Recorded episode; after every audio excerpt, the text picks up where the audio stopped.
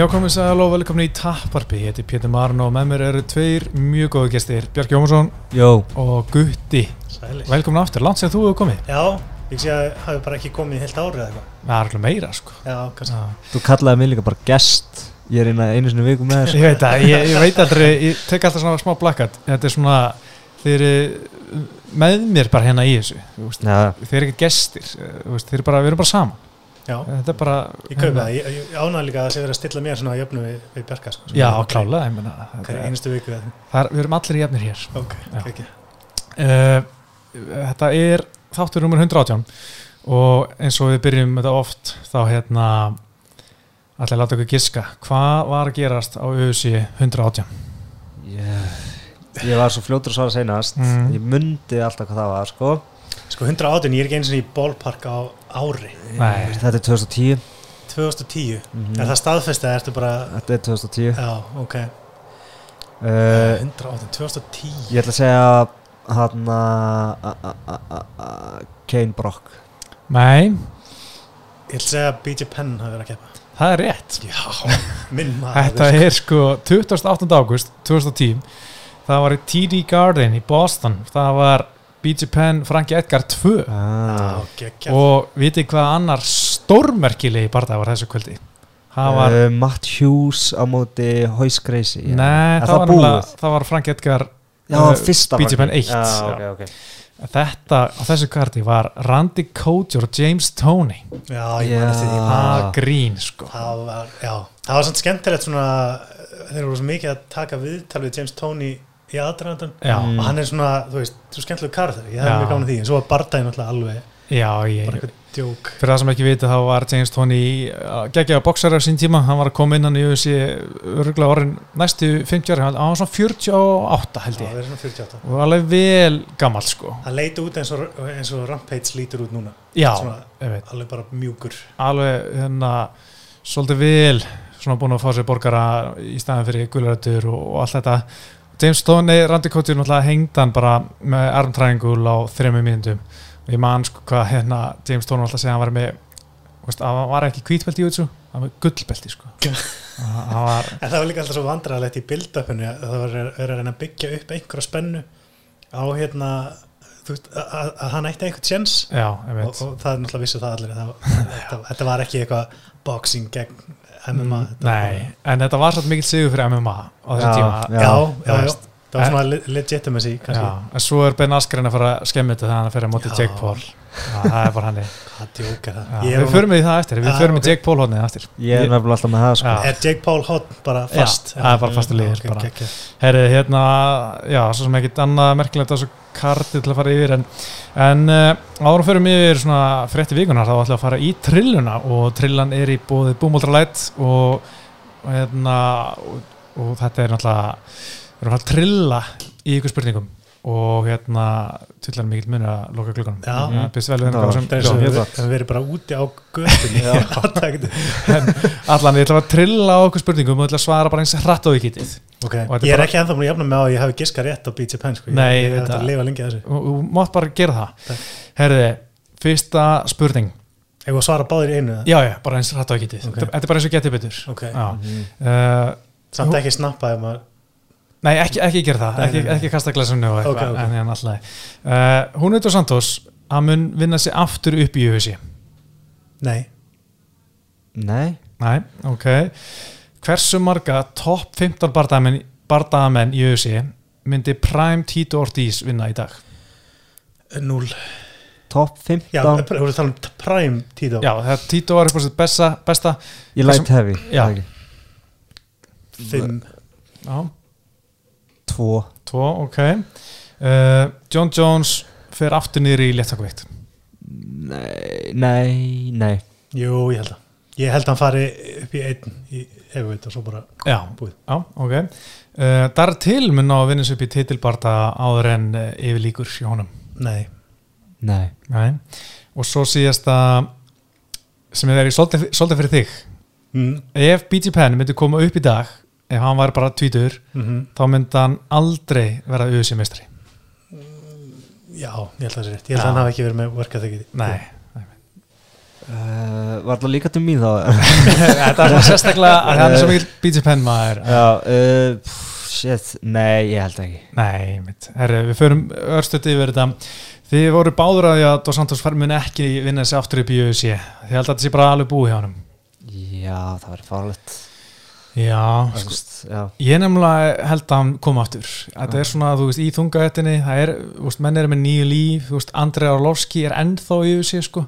En er ekki búið að kvætta þetta á samt Jú, jú, Já. jú, þú veist, ég er að segja Þannig að hann, þarf að fara í einhverja einhverja hann, minni deildir og, já, hann sig fer í PFL vinnur þrjá fjóra barða þar vinnur jafnvel miljón dollara törnamentið eða eitthvað og fær aftur samningu Hvað er hann Hann- hann er 35 sko en hann það er, engin aldrei þungt Hann er að fara í eitthvað annað organisation Vinna einn og steinrótast í öðrum sko Þetta er bara Það er dæmi sko. Já, hann er líka bara ekkert sami gæðin Mist maður veginn sjá hann sko hann kemur sér inn í barðan og geggja ákveðin og svo fær hann eitt högg á sig og þá er þetta bara veginn þá er hann bara farin að flýja í áttabúrinu Já, já, já, ég er full að trúan hann er reynda 37 ára gammal en ég samt, ég held að hann hann koma er samt svona 57 ára í, years sko. Já, Arlovski er sko nýtur og hann er samt að vinna barða í dag í tungaefni maður veit aldrei skil, en uh, já, Prime T-Dorti sammyndu vinna hvað sagðir þú marga barða minn í top 15 Fimm Já, gauðra Allir sem eru með lélætt wrestling Já, basically, já. Já, ég, ég, ég held að myndi vinna svona tvo. Já. Þú veist, hann myndi bara taka sig gæði niður Mhm. vinna decision, svona ágætis ground and pound en þú veist hann væri líka bara í vesinni, sko. Standardi, sko, miklu vesinni standardi. Það Miklu var svo vesinni margir sem væri að, róta hann, sko. Já, Já, guð. Já, en svo náttúrulega kannski líka þú veist heldar levelið á wrestling er náttúrulega búið að skjóta þú veist, gæðin sem hann var að baka á þessum tíma Mhm. það, það voru ekki Take on defense er öðru í sig Já. Já. Það er bara menn, þú veist leið, leiður og teknir niður á þessum tíma það voru bara, þú veist, þeir sættu sig við það og bara ok, nú er ég að spila guard du, du, du, du, eitthvað svona, þú veist menn í dag er, þú veist, þetta er annars leikur Já, þannig ég held að væri, þú veist, ég held að væri ekkert að hanga í close guard að olbúa gæja í þrjálótur sko. Nei, nei, ég veit ég nema að þú ert frá Dagestan þá, já, já, já, nema bara- þeir byrja að passa og þeir eru með svona já, já, og submissions og þetta, er- svona well-rounded heldur betur. Um, Léttunguveikt, uh, John Jones hann mun ekki fara aftur þangað? Jú, Því- ég, Já, ég þú sagðir eitt barða, þú sagðir nei. Já, ég sagði nei. Já, ég held að að hann fara aftur niður. Þetta verði eitthvað svona þú veist, hann berst einmitt bara eitt barða og svo bara, herri, ég er bara farin aftur niður. Þetta verði eitthvað svona, það er alltaf allt svo skrítið við allar svona karýr ákvarðanir sem hann tekur? Ég held að þetta verður samt svona pínu eins og Adesanya, ég held að veist, hann fari upp mætir stípi eða einhverjum og það verður bara einhvern veginn augljóst að John Jones er ekki náttúrulega þungavættamæður Já, og hérna, veist, hann er aðal kallinn einhvern veginn í léttþungavættinni Mhm. og hann lifir svolítið á því líka. Mm. að, veist, ég held að hann sé ekki svona gaur sem maður er að fara að setja sig við að vinna einn og tapa einum og Nei. eitthvað þannig. Og hérna já, ég, ég bara einhvern veginn sé það ekki fyrir mér að hann sé að fara að hanga í þungavætt eitthvað, nei, nema hann sé að fara að dóma þetta sko nema hann sé að fara að domina þetta, já Já, það er komið ljós já. sko. Já. En uh, þið eru báður að að Darren Till mun ekki komast í titilbarta aftur tapaði fyrir tæra mútlið hana sín tíma Ég veit ekki, ég hef, bara, ég hef aldrei verið neitt rosalega impressed með dærum til Nei, Mér finnst alveg svona sko. skemmtilegu skilur Já. góð típa og skemmtilegu samfélagsmiðlum og eitthvað mm. en þú veist, mér finnst hann ekki vera með neitt svona X-faktor sem að ég sé fyrir mér að sé að fara að fleita honum alla leið. Nei, þetta er bara svona eitthvað tjalla, jammara veist, sem er skemmtilegur og náði einhverjum náði að róta gamla seróni og hef bara búin að lifa svolítið vel á því hæpi núna í, sko, við erum að tala um það var 2017, sko. Já, en minnst það líka vera með þessa gæja minnst alltaf einhvern veginn svona UFC svolítið pússa þeim að þú veist, þeir, þeir svona vendan svolítið sko og pússa honum rétt. Þeir eru ekki að fara að henda honum í einhvern gæja sem að þeir vita er að fara að pakka honum að þetta er, mm. það er svo mikilvægt fyrir þá að vera með þessa gaura á þessum Evrópu Já, cards, þannig að einhvern veginn ég held að það hafi hjálpað honum helling líka Já, þeir hafa einmitt. látið hann líta vel út. Algjörlega og líka sko hann alltaf vann Kelvin Gastelum það má ekki glemja því, hann var flótið sigur Já, það gleymist. Já, það gleymir svolítið sko. Mhm. en uh, já, Þetta var það senst fætti hún já, ég held að. Hann keppti líka nei, á hann móti- tappa fyrir Vittikers síðast. En svo Það- kefti hann við, við Massadal í London, London. Já, það var á undan hana, já, ég sá það live það var, já, það var brútal sko. Það var brúðar ég er svo, ég er ennþá söktur yfir ég var sko náttúrulega bara á bladamanna, í bladamannastúkunina bara mjög nálaðt borunni og ég var í svo miklu Wi-Fi vissin, ég var að reyna að laga Wi-Fi mitt þegar þetta gerðist í tölvuna því að þú veist, þarna var Gunni nýbúin að tapa Já, hörlíði nettur, ég var að reyna að koma þeirri fréttu út bara Já, strax sko, en þarna var Wi-Fi einhver ruggli í höllinni, ég var að reyna að laga og svolítið bara, bara Já. og ég bara, ó, ég trú ekki að mista þessu Mér finnst þetta smá sárabóta því maður í ógíslan bömmur er að gunni þá tafa, Já. en bara heyra þú veist þögnina í höllinu, Mm. að þeir eru alveg trilltir fyrir Mm. Og svo bara svona, það var rosalegt sko. það var alveg mjög, mjög, hérna, stekt upplifun. En uh, síðasta trillusmenningin, þið voru báður á því að, að BG Penn myndi ekki verða meistari en hann var að koma upp í dag. Var það ekki að vera í UFC Já, hann kemist í UFC, svona ég er alveg á því að hann Mm. var að koma upp í dag sem fættir, en ég held að hann myndi aldrei ná alla leið eins og hann gerði sko. Heldur, hann myndi potið ekki náttúrulega. Nei, ég held ekki Nei, bara ítrótinu hefur breyst það mikið veist, síðustu árum að mm. Já, ég held líka bara að hann var með svo mikið advantage út af þessu jiu-jitsu sem hann var með. Mm. Svona heimsklassa jiu-jitsu, góð boksari Mhm. og that's about it, sko. Það var bara nót til þess að vera heimsmystari á þessum tíma. Já, sko. er það bara ekki... Nei, ég held að hann væri top 10 Já, ég get alveg trúið því. Samt í léttvitt, það er rosalega mikið að góðum gæmi í léttvitt sko. Já, hann reynda var alveg með geggja takedown defense þannig að hann er með það gegn þessum wrestlerum mm. um, og svo náttúrulega var hann ógeðslega góðu bóksari ég veit Mm. ekki hvort að hann er, þú veist, vannmetin eða hvað standandi en, en að maður horfir á gömur barðan er hell sko. geggja bóksari sko. það er svona yfirleitt fókusað meira á hans, en, Mhm. En já ég vildi að maður geti, þú veist, það væri til svona tíma það væri að fara menn fram og tilbaka. Það væri helviti gott. Það geti allavega tekið hann úr nútímanum og fært hann einhvern annað. Þetta er það. sorglegt ástand. Já, Það er, það er í ríkalega leiðilegt að horfa á já, alla fréttir. Um leið og sé fyrir sig að Pítis Penna bara, já, þetta er ekki gott ég veit, þetta er ekki fara að vera BJ BJ Penn snýr við BG Penn farin í meðferð BG Penn gefur miljón dólar til uh, langar eitthvað langar eitthvað batna ég vona að gera það ekki Hann þarf á þessum pinning að Ég halda hann er broke as fuck Já, sko, þetta er alltaf eitthvað greið. svona BJ Penn lamin á dýraverði Já. Come on. Damn it sko. og bara BG Penn í einhverju vídeo að hérna, rífast við löggu á Hawaii og þú veist, ó, þetta er Þetta er svo sorglega, þetta er svo, þú veist, þú býr á Hawaii já, skilur, þú er pro-fighter, þú getur bara einhvern veginn haft það næs, þú getur verið með gimmið þitt bara og hérna, Mm. þú veist, ég var að hugsa að þeir eru fluttir núna allir hérna Gordon Ryan og já, Dan hefur þeir farin til Puerto Rico. Þú veist bara, hva, hversu mikið paradís er þetta? Já, þeir eru bara í Puerto Rico, æfa allan daginn bara, þú veist, chilla, Mhm. BJ Penn getur bara verið að gera þetta, já, staðin er einhverjum slagsmálum, einhverjum börum einhverja löggur og Já, hann er alltaf mikið að, þú veist, Já, já. við kannski fyrir mikið að greina það hérna. En hérna, það voru, svona, fyrir maður sem fyrir til vikunar, það var svona helsta hérna, eins og vorum að tala um, hún og Santos, hann var köttar, hann var reikinn bara í síðustu viku og Alistair Órin, tveir svona topp þungatamenn, svona köttar á sumu vikunum, ég fannst það aðteklisvert, sérstaklega því að sko, UFC er náttúrulega með biljón sjó ári og það þurfa alltaf einhverja gæða til að hella hana. Og það er oft UFC-gæðar, nei þungatagæðar segjum Mhm. og ég bara var að skoða þetta sko, sko fimm síðustu bardar hjá Alistair Órum hefur verið main event og fight night. Þeir eru að tapa þessu, þú veist. Þetta eru fimm kvöld, uh, eða tvö kvöld ári sem er missa hana gæja sem getur verið í main event. Uh, og hún Santos, hann tók sko sjö main event í röð frá 2000 og UFC 211 til sko fight night sko, þetta er frá 2016 til 2020 Mhm. og veist, það er sjö í röð og, og svona allavega Antoni Pettis um daginn, hann var veist, nokkur sem event á svona fætnat en, en kannski ekki eins oft á meira svona á pay-per-view en samt dýrgæði en mér þetta svona aðtæklusagt að auðvitað sé að kötta þessa gæja sem þeir geta alltaf hent í main event og fætnat og ESPN og það fólk horfir skilju Mm. En var ekki málið með óverim, kom hann ekki yfir með einhvern ógeðsla dýran samning hann var á einhverju 400.000 dollarum hann var dýr sko. Sjó bara maður Já. sér alltaf að hann fær mjög mikið borgað mm maður sér Mhm. svona hvað hann var alltaf launahæstur á kartinu sko, lang launahæstur sko. ég held að það hefði verið að þeim kom yfir í UFC á þessum samning. Þú veist, þeir erðu þennan samning basically. Og þannig að þú veist, þá hafa þeir það, það er örgulega líka eina ástæðan fyrir hann er alltaf í main event, þú veist, þú getur fara að borga einhverju gæja hálfa miljón dollara nema hann sé bara headliner. Mm, já, já. og svo núna er hann einhvern veginn komin svona yfir hjallan og ekki sama dróð kannski mm.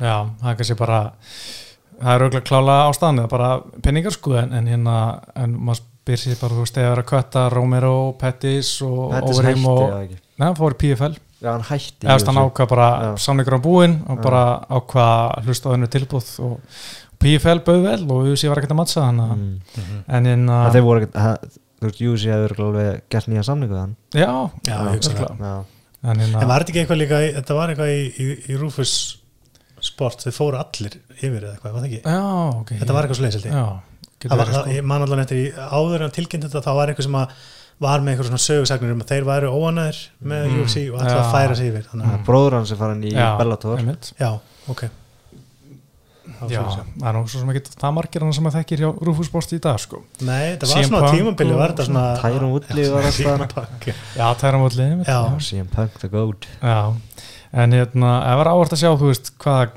svona, að að þeir eru að kötta alveg stóra gæja en, en þurfa alltaf einhverja gæja til að vera hellan þessi minni fight night sem er tróða endalust af. Mm Mhm. en það bara kemur maður í mannstæða vantilega hjá þeim. Uh, Annað svona sem mjög aðteklisvært í síðustu viku var Dana White að tala um að þeir ætla að fara til Texas. Texas er alltaf að opna allt og þeir ætla bara, herru, höldum hérna rísa kvöld í Texas, fuck COVID og hérna verður bara með hérna, Toyota Áhöfnir, sendir já. hérna þar og þú veist, frábært. En svo bara sá ég að hérna, sko því Dallas var búið að segja nei við þessu. Mhm. og Houston greinlega líka því að Dana var bara pff, þessi helvitis borgarstjóra, þeir bara búin að segja nei við okkur maður, en ríkistjórun í Texas hann var búin að segja bara, að opna allt. En þannig ég er bara mjög ánæður að hann var einhver menn með vit hann að einmitt. stoppa þetta sko. En pældi þess að þeir sé bara til í þetta. Ég veit það, það er svo styrlað Það er alveg klikka Þú veist, þeir eru alltaf bara, viljum maður fyrstir, viljum maður fyrstir? Já. Af hverju, hverjum er ekki En drullu lí- saman? líka er ekki að eða fullt af pening og tíma í að setja við þetta Fight Island og, og vera Jú. með það setup allt einhvern veginn. Já sko, Apex er náttúrulega, þú veist, það er frekar þægilegt setup örglu fyrir það, sko, Já. kostar ekki mikið þannig sé, en þú veist, fætalega, ég held að það sé náttúrulega bara Abu Dhabi borgar brúsan fyrir það, sko, sem einhver er skilur svoleiðis, já. Abu, Dhabi Travel Institution eða whatever, sko Mhm. þannig að ég held að það sé heldur fínt þó að sé örgulega vesen að koma öllum yfir og til Abu Dhabi í En mér finnst fjóra það líka bara sko. svo cool PR eitthvað Mm. mm. Það er bara, já, við byggðum bara hérna Já. þetta facility bara, Mhm. sem að allir eru bara að testa þér Hvenær- og þetta er allt í guði hvenær er næsta Abu Dhabi kart? Ég- er það í suma? Já, mér minni það sko shit, það er heitt á sko Já. Ég held að það góð loftkæling sko. Þeir eru búin að vera mastera það held ég Þeir eru alltaf búin að vera að pæli því í svona sex ár fyrir HM í fótbolta. Já, Þeir nákvæmlega fengur semst HM í fótbolta með því skilir að þeir myndu finna upp einhverja nýja tækni í loftkælingu Já, í Katar hana. í Katar Já. já, já, en þú veist þetta, já, þetta er náttúrulega ekki sami staðar en, Nei, en það svipa Það heitt svipa heitt, já. en hérna Já, ég er bara ánæður að þessi auðmingja borgarstjórar ráðu öllu hafi bara skotið þessu niður. Það var svona tóttin í sig og deina, bara svona helvítis bara. En ég er sáttuður að hérna, þeir sé ekki að fara strax í það, því að hann ætlaði bara að henda sko UFC 260 sem er 27. mars í Texas. Hann bara til í það sko. já, hann til í það Já, bara færa með alla þánga. Ég held að Dana White sé svona senasti gæðin sem ég væri til í að vera þú veist, með á móti mér hann, hann er svo svona unreasonable einhvern veginn það er alveg fáránlegt bara Algjörlega, ég held að það sé líka seinasti gæði sem ég myndi erna, vilja hitta í COVID faraldri sko. aldrei með grími Nei, aldrei, hann myndi aldrei setja það grími rétt. En hann er reynda búin að fara í helviti marga skimanir kallinn sko. Já, uh, svona síðasta svona frétt vikunar Dan Hardy í reikin já, já ég sá það er aðteglisvert var ekki eitthvað rifrildi eða hvað Jú, var? þetta var vist eitthvað svona eitthvað atvik með starfsmenni í USA, einhver, einhver kona þar uh, sem gerist á Fætalend núna í, í síðustu heimsókninni í haust. Og hérna og hafa bara tekinu svo ákvörðin að láta hann fara bæði frá USA og BT Sport. Þannig að hann er ekki lengur að lýsa hjá USA En er eitthvað að vita hvað það var sem gerðist? eða? Nei, ekkert, ekkert sagt sko. Sko ég sá náttúrulega eitthvað að, hann hefði verið komin á senasta sjans þarna eftir að hann let Herdín heyra Já, það. og Dana hefði eitthvað tekið hann á teppið og sagt, þú veist, þú bara hættir þessu. Þannig að það hefði kannski ekki þurft mikið til en nei, mér finnst alltaf svo grunnsanlegt samt það er ekki gefið út hvað það var. Já, með sko. Það er, uh, það mun kannski komið ljós að hann hérna Dan Hardy mun gefa út einhver svona frekari yfirlýsingu en hann er allan búin að segja, já, rétt þú veist, ég er ekki lengur með þessu sko. Já, sem er leiðilegt, ég að meðast hann eiginlega besti lýsandinn sko. já, og þú veist, mér, svona fast skríti var á hérna hvað er þáttur hann, the Octagon Mhm. John Gooden og svo alltaf Anthony Smith og ég bara, mér ha. Anthony Smith ekki segja neitt merkilegt. Ég horfa á þetta, ég bara svona djúvel, veist, ég hefði haldið að þetta er vel pródusöra þáttur þó að þetta sé gegnum Zoom og eitthvað Mhm. að kemur eitthvað smerkilegt hana. Anton Smith fannst mér ekki komið neitt sem er bara svona, já, þetta er góð punktur. Nei, en eru þeir ekki líka svolítið mikið svona tím já, veist, ég get alveg ímyndið mér að þeir séu með þetta plana þáttinn bara saman einhvern veginn. Já, ég sé ekki fyrir mér að hann og Anthony Smith sé eitthvað Nei, að það lítur að vera einhver pródusent á bakvæta sem er herrið, þú fara, fara þessa punta hættir klippunar, bla bla Já, bla sko, já. þú veist, það er bara hellegs vinna á örgulega, sko, þetta er ekki bara eitt síma og eital, sko, Nei, en þetta er samt alveg meira en að segja það að vera eitthvað svona insightful Já, algjörlega, með sko. einhverja, hérna, punkta sem að fólk er kannski ekki búið að pæla í eða eitthvað sem er ekki alveg augljóst mm mm, þess vegna var Dan Hardy svo ógislega góður í því, því eitthvað en Anton Smith er eitthvað svona analyst núna hjá E ISBN og hann er bjóst við að kemi eitthvað svona eitthvað bitastætt frá. Hann bara, En mér finnst líka dýnamíkin á milli uh, hans, sérst Dan Hardy og, og Gooden svo Já. frábær veit, sko Mér finnst hún svona fullkomin blanda að vera, þú veist, geðið professional Mhm. og þeir eru greinlega líka svona buddies Mér finnst svona hérna, Cormier og, og Joe Rogan fara svona aðeins of mikið Aðeins stundum inn á skilur. þetta er svona eiginlega eins og fight companion. Einmitt. Sem þeir eru bara eitthvað svona að djóka og er ekkert að, að, að, að hérna, fylgjast kannski neitt rosalega mikið með. Nei, nei, nákvæmlega sko. En fyrir manns í kartið, hérna UFC 249, nei 249 ó, 259 var náttúrulega um síðstelgi þrý tillibarðar Mhm. og það er svona ber hæst að nefna uh, Jan Blackways, hann tók það bara. Já. hann er svo fyrst til að vinna að þetta senja Mhm. Það var eitthvað. Það var eitthvað. Og ég, ég held að Það- við getum bara allir sagt bara put some respect on the name sko. já, og líka það að finna við að maður hugsa að ef að hann vinnur, þá er það KO og séðan við sem maður að allir myndi, hann gæti unni á stigum, hann gæti líka unni með TKO eða eitthvað.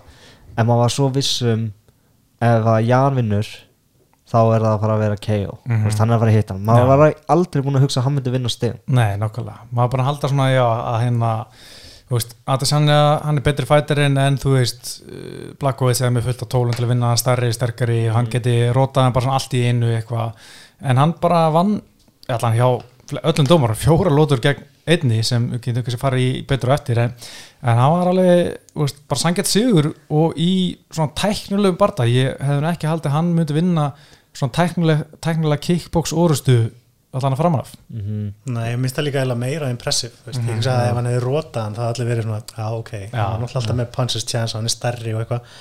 En ég fór bara að pæla, þú veist, ég er búin að vann með hann fáránlega í ógeðslega langa tíma. Allir eru búin að gera það Já, sko. ég veit það, en þú veist, ég voru að skoða rekordið hans, hann, hann er með töp sko gegn Patrick Cummings, Mhm. Corey Anderson Mhm. tapaði 2019 fyrir Tiago Santos. Já. það er bara engin spáð því árið 2019 að árið 2021 þá væri hann meistarinn og Mhm. væri búin að segra Adesanya sko, Nei. 2017, bara töl- tölum það, það ár sko ef ég hefði sagt árið 2017 að Jan Blackwoods væri meistarinn og hann væri að fara að mæta Glover til seira í næstu, næsta tilbarda Mhm. og veist, það er bara, bara frálegt að hugsa til þess að það myndi einhver tíma að gerast en það hefði bara að fara að gerast. Fjórum árum setna Já, rosalegt. Ég sá líka að Glover Teixeira var hérna backup Mhm. í þessum barða en er ekki Glover Teixeira samt svona, þú veist, ef maður, ef maður væri fan af honum, þú veist, er þetta ekki ömulegt ma- matchup, bæði Adesanya, mm. veist, Adesanya myndi bara outpointa hann allan daginn held ég, en líka Jan, ég sé ekki alveg hvernig hann alltaf vinna þann barða Nei, og í fyrsta sinn myndi ég tippa er, er, myndi ég halda allan að Blackwoods væri favorites Já. í þeim barða sko. Já. en hérna algjörlega, ég myndi alltaf líka. En mér finnst þetta líka svo skemmtilegt svona magna standarti þetta var, hvað það var jafnt. Af því að ég held að mynda var góður að checka leg kicks og akkurat sko. Bara að það var, hann var bara mjög góður standandi og síðan sá maður náttúrulega þegar hann tók hann niður þú veist, alltaf þegar einhverju hefur tekið einhvern veginn aðeins hann niður í milluveit þá bara spriklar hann upp. Mm en maður fann, hann bara tekið niður og hann bara lá já, hann gat, maður sá starðamunnin sko. Mhm. maður, maður sá bara hann er ekki fara að ná að standa upp fyrir að lóta hann er búinn sko já en það sem kom mér mest ávart í því líka var að hann skildi geta náða með niður í miður búrin já, ég, Já. ég var einhvern veginn búin að sjá fyrir mér ok, ef hún tekst að pressa hann upp í búrið Mhm. grænda hann einhvern veginn í jörðina en þá sem er samt eitthvað svo hæpi þegar Mhm. hann er Já. sannig svo fýtt þar sko en hann skildi bara geta tekið eitthvað blastából trúað því fyrir bardaðan þá hefði ég örgulega tippað á hann sko mm. þetta, þetta var bara svo perfect gameplan bara fyrstu þrjálóðunar, bara mjög solid ekkert eitthvað að eyða ómikið orku og svo bara fjóruð fymtu þá Mm. næra bara Mhm. takedown og siglir þessu heim já, það er svona verið eins og það hefði verið líkillin að öllu að taka sérna bara niður út á miðju gólfi ekki Já. uppi búrið, þar sem veist, er allir orðnir svo ógæslega góður að verjast uppi búrið, þú veist, Mhm. bara með þessa ramma og hérna miljón liðir til að verjast og líka eðri teknir upp, bara strax að ramma og koma sér upp, og allir bara orðnir fárulega góður í því Mhm. að þú veist, í staðan bara taka niður út á miðjugólfi þar sem jú, þetta starðin og styrkurinn hafði örglega eitthvað að segja en hann var bara svona svolítið menn handlan hann út á miðjugólfi og Adesanya bara aldrei nálagt í að standa upp sko. Ég veldi líka fyrir mér, þú veist, hvað áhrif þetta hefur á í að þetta sannja svona going forward, ég meina Mhm. þetta er svolítið blúprintið að því hvernig þú Mhm. sigrar hann að gæja já, Mhm. að, að því það virðist ekkit vera rosalega mikið að frétta af bakinu, Nei, eins og eru að tala um, hann sprettur upp, við höfum aldrei séð hann gera neitt nei, af bakinu, hann var ekkit eitthvað enga veginn að gera réttur hlutina fannst mér. Nei, nei, Mhm. alls ekki þannig að ég, veit ekki alveg þetta, þetta gæti, gæti verið að, að séu einhver, einhverjir í millivittinu sem eru svona hugsa sig Mhm. gott í glóðarinnar Já, Já, klálega sko og, og Vittiger hérna, og Kosta sem mætast núna í april Sigurðan þar fær vantarlega tillibarda eða, eða Marin Vettori og Darren Till Sigurðan þar. En ég hugsa sko Vettori hann alltaf tapað fyrir hann eftir split decision hann að 2016 eða átjansi hann er auðvitað bara herra, ég teka niður út af miðjugólu núna Mhm. sko, ekki upp búrið þegar þá náða hann Já. standa upp sko já, bara út af miðjugólu núna og Vitteger hann er alltaf bara geggja defensive wrestling, sindi hann á móti Romero en Já. hann er ekki það mikið að sækja í fellur en kannski verður hann bara svona kannski hætti ég að aðeins að að sjá sér maður ekki samt minna af því að menn séu tekna niður í miðju búri orði jú, algjörlega svona- finnst eitthvað svona blastábúl í miðju Mhm. mér finnst eitthvað svo old school einmitt sko og meiri sé að þessi dagistannar og þú veist, þeir eru alltaf með eitthvað svona trips og Mhm. Já. þeir eru alltaf að komast inn í klins það var svona GSP dæmi sko. já, já, einmitt þannig að já, það er, þetta er svo hann, ég hugsaði þetta, ef allir sannja tapar um tíma, þá var ég svona smá hrættur um að myndi kannski þá allt í hennu fer svona smá svona, heyrðu hann er ekki, að þú veist, að ég vissi bara einhvern veginn að hann er svo góður kickboxari og allt lífið hans er búið að vera kickbox og maður sé hann svona að vera æfa og glíma og þá verður svona einn daginn verður hann tekinn niður mm, og það verður svona, oh shit, nú sjá þeir hann er mm, sko ömulögur í örugglega. og þannig að allan að meðan við þá já, að hann er svo ógeðslega góða standi þannig að ég er svona var hrættur eftir hann að fæ bara shit, þá hann farið niður í milluveit ég held að verður erfiðar líka núna í milluveitinni sko. mm, já, menn kannski svona er ekki eins svona hrættir inn að Mhm. gæðslapa þeir sjá svona smá svona sprungu á vörninni Já. eða hvað, hvað maður kalla það og fara svona uh, hjóla í hann og hérna, ég held líka að það sem hafa svolítið mikið að segja þenn- þessa parta er bara faðmlengdin sko, að Blackwoods er með miklu lengur faðmheldur en hinnir sem hann hefur verið að vinna í, í hinn á millitinni það sem Addison hefur getað nota langa faðmi sem nú haldið hann frá sér já, en núna var Blackwoods einhvern veginn svona Addison var að fara undan höggunum ma- eins og hann held að hann væri on safe þá Mhm. já. náði Blackwoods á endanum að mér hitta finnst að sjá það líka í, hérna hjá John Jones þú veist, þegar hann mætti Gustafsson Mm. og síðan Reyes sem er svona einu gæðin sem hafa verið í sömu með sömu faðmleind og hann er ekki alveg sömu faðmleind en í svona svipari stærð Mhm. og þá einhvern veginn þetta ekki upp hjá honum eins vel og Já. gegn öllum öðrum Mhm. það er mjög mjög góð búndur sko. MMA guðinur, þetta er bara þannig með maður, þú veist, þegar gæði ætla að fara upp ætla að fá hann að champ champ titilinn og þá er John Jones að fara að gera mm. mm. þá bara gerist því það er bara að búa eðilegið það en er þá líka að eðilega John Jones og, og Miocic mér langar svo geðveikt að sjá það. Mér langar svo mikið að sjá Jones tapa. Já. það væri svo gaman. Nei, nei, það, John Jones lifir í þungættinni. Það Já. er bara eðna, þangað til að hann kemur í ljós. Já, en það sem ég bara hættast við þungættar John Jones er að hann er, vill bara fá borga almennilega og ég er ekkert svo vissum að auðvitað sé sér til í það. Nei, Nei. en það aftur að koma ljós en hann var að tala um hvað hva, sann, desember verður frábæð mánuður eitthvað, John Jones og auðvitað fór John Jones á twitter.com að vera að hrauna yfir að þetta eftir partan já, ég sá það, Já. hann er að Já. tvitið Já. hann er algjörlega að taka síman af hann sko, þegar svona gerist sko. en hérna skorblöð dómarana vöktu svolítið aðtækli Já. þetta var fjögur eitt hjá, allana, hjá öllum dómaranum uh, þú veist, ég horfði þetta aftur í dag allan að fyrstu þrjálutana og mér fannst þetta að vera svo ógæslega jæmt að ég bara, mér finnst rosalega erfitt að gefa einhverjum þessa lótur, ég skil ekki alveg hvernig það gæti verið svona allir sammál um að, að hérna, Blackwoods hafi unnið þessa lótur svona mikið Já, ég sammála því, mér fannst líka umræðan eftir á var svolítið mikið um, um sko, hvernig Joe Rogan og, og, og DC hefði verið eitthvað svona bæjast að þeir eru bara verið að fókusa á það sem Adi Sanning gerði Mhm. vel Já. kannski alveg eitthvað smá til í því en, Já, ég en ég sammála sammála. því sem mér fannst sko fyrstu þrjálóðin að vera rosalega jafnar já, Já. mhm. og þá, ég, þú veist, ég hefði ekkert viljað dæma þær neitt sérstaklega sko ég var líka bara svona þannig til í seinstu lótu á- eða þú veist seinstu tvær þá var maður svona að þetta var svona jafnt og núna fór maður aðeins að sjá hann að Jan gera eitthvað þá var maður bara hann er að vinna núna stegum af því að Mm. allt hitt er svo. Já, sko það sem ég, ég sá hérna skorplæði, þá voru sko tveir dómar sem gaf Jan uh, alla lótana nema þriðlótu og einn dómar gaf Jan alla lótana nema aðra lótu þannig að þeir voru svolítið ósamlega um aðra og þriðu en allir samlega um að Jan Blackwas að vinna fyrsta lótu Mhm. og mér stæðilega einu lóta sem Adi Senna vann Eða, Fyrsta lótan? já, fyrsta lóta mér fannst það að vera svona eina lóta sem ég, ég mér fannst önnur lóta svona eina sem var svona nokkuð klýr að staða svona fyrstu þremur fyrir Mm. Blackways því að hann hitt hann hérna tvisar vel það sem Issi, hérna Ísalata sinna bakkaði svona mjög langt og þá svona var það greinilega högg sem hafði mikið svona impact á Mhm, bardan, það er það sem skor alltaf mest Já. Og hérna síndi svona mestu viðbröð það er svona mest impact í lótunni á meðan allt hitt var mjög mikið 50-50 svona bara báðar að hitta vel hér og þar sko.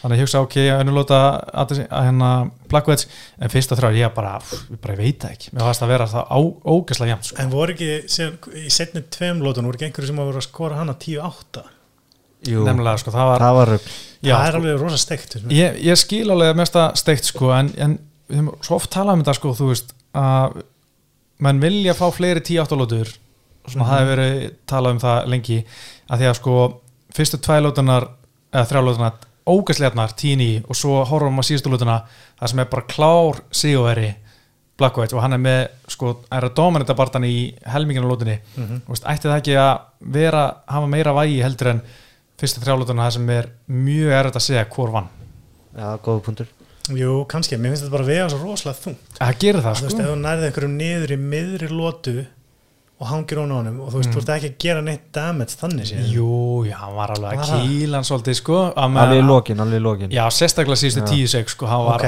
svolítið en- að sprengja. En líka þú veist, hann er að kýla hann og að það er, ekki- er að kýla hann null á móti þú veist, Já. það telur svolítið svona þau eru uppi staðið að mínum móti Já, já, ég veit ekki, kannski Mér, eh, kannski er ég bara eitthvað fastur í að 10-8 sé bara eitthvað eins og Dana White var að tala um, Já. þetta var Já. bara ass whooping þetta Einmitt. var alltaf þannig sko Já, Það- einmitt, það er þetta svo er bara að berja í því sko. klessu sko. Já, þetta breytið svolítið hann 2016 og við höfum svona samt ekki séð þetta mikið in action fyrir núna sko en þeir segja reglum, þú veist 10-8 does not require a fighter to dominate their opponents for 5 minutes mm Mhm. það, það er ekki þannig lengur já. heldur sko að 10-8 þegar dómar segir að one fighter has dominated the action of the round had duration of the domination and also impacted their opponent with either strikes or grappling Mhm. þannig að with, that have diminished their abilities þannig að einhver næra vangan þannig að þú veist his abilities are diminished Mhm. það er 10-8 lóta en ég hugsa það sem þeirra að horta þarna var had duration of the domination að hann var að dominata í hálfa lótu þannig í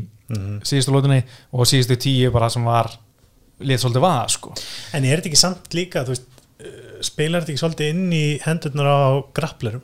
Það er miklu auðveldur að dominata grappling exchange heldur en að dominata einhvern standandi, er það ekki? Já, samt þú veist, maður sér alveg annar klárlega veist, ef ég myndi bara ná að kýla gæja niður þrísvar Já. í fyrstu lóti, þú Já, veist, kannski. og hinnar valla snerta mig, þú veist, það er Mhm. 10-8 lóta. Já, ok. En hérna, auðvitað, það er svona auðveldra að segja sjá, maður oftar sem maður sér svona grapplerinn á dómarinn þetta hann sko, Mm en hérna, en uh, endaði náttúrulega mjög stættum. Mér fannst svona endirinn því horfði á hana bara, endirinn hvernig hann bara svona lit högginn inn í honum, að ef hann hefði svona þórað að gera þetta í fjórulóti, hann jafnvel geti klárað þetta. Já, hann er komin í mánt alveg í lokinu, eða ekki? og, já, og mér fannst það einmitt svona ofta að tækifæra að fara úr halvkartin í mánt skríða Já. en ég held að hann ekki þóraði þá að hann myndi að sprengja sig út Já, og missa stöðuna en þarna síðustu tíu sekundar held ég hann að við svona látið vaða og ég hugsa svona miðið hvað þetta senna var vartanlega svona síðustu tíu sek að hann hefði kannski getið gert það, en ég skil að hann reyndi það ekki að því að þú veist, í eða kannski orku í að reyna að klára það getur ekki Mhm. að hann bara hafa flott tempo á sig þetta er náttúrulega langur barndagi og, og allt það sko. Já. En uh, sko, Addison, hann var að reyna fyrir upp mætti stærri manni og bara gerðist svona sama eins og Max Holloway þegar hann fórum að þetta döstaborjur sá hann bara Já, stærri manni vinna. Mm þannig að stærri skipti máli. Já, smá leðilegt sko. Mér er svo leðilegt að hann hafi mist nullið sko Ég vildi hafa hann, þú veist, maður er svona fann að missa Connor Eitthvað svona gæja sem er svona stjarnan hann inni sko. Mhm. Og það er svo leðilegt svona, að þú veist, hann verður alltaf að fara, Þú veist, hann er ekkert búinn. Nei, nei, En maður vildi svona sjá tvö belti á honum sko. Og líka bara, þú veist, það hefði alveg, þú veist, hann er svona gæja sem getur verið hann að bæði middleweight og light heavyweight Mhm.